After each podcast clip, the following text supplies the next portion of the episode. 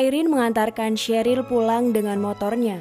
Di sepanjang jalan, Sheryl hanya diam saja dan setiap Airin mencoba mengajaknya bicara, Sheryl tidak pernah menyahutnya.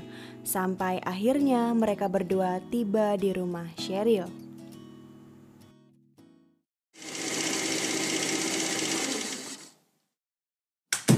Ril, habis ini jangan lupa lo buruan makan ya.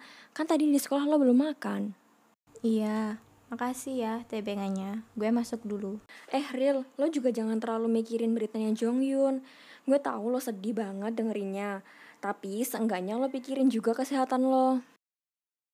Udah selesai ceramahnya. Kalau belum, gue tinggal masuk ya. Gue udah enak dengerin omongan lo dari tadi, Rin. Sheryl, kalau lo ngomongnya gitu sih, gue ini peduli ya sama lo.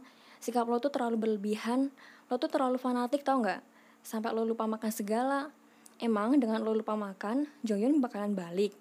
Terus intinya, lo mau ngatain gue lebay gitu? Ya Tuhan, gue gak ngatain lo lebay ya.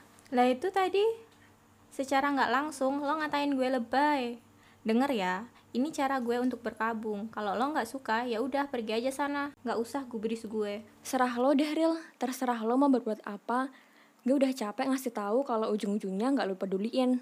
Ya udah, pergi sana. Gue juga nggak butuh. Sabar.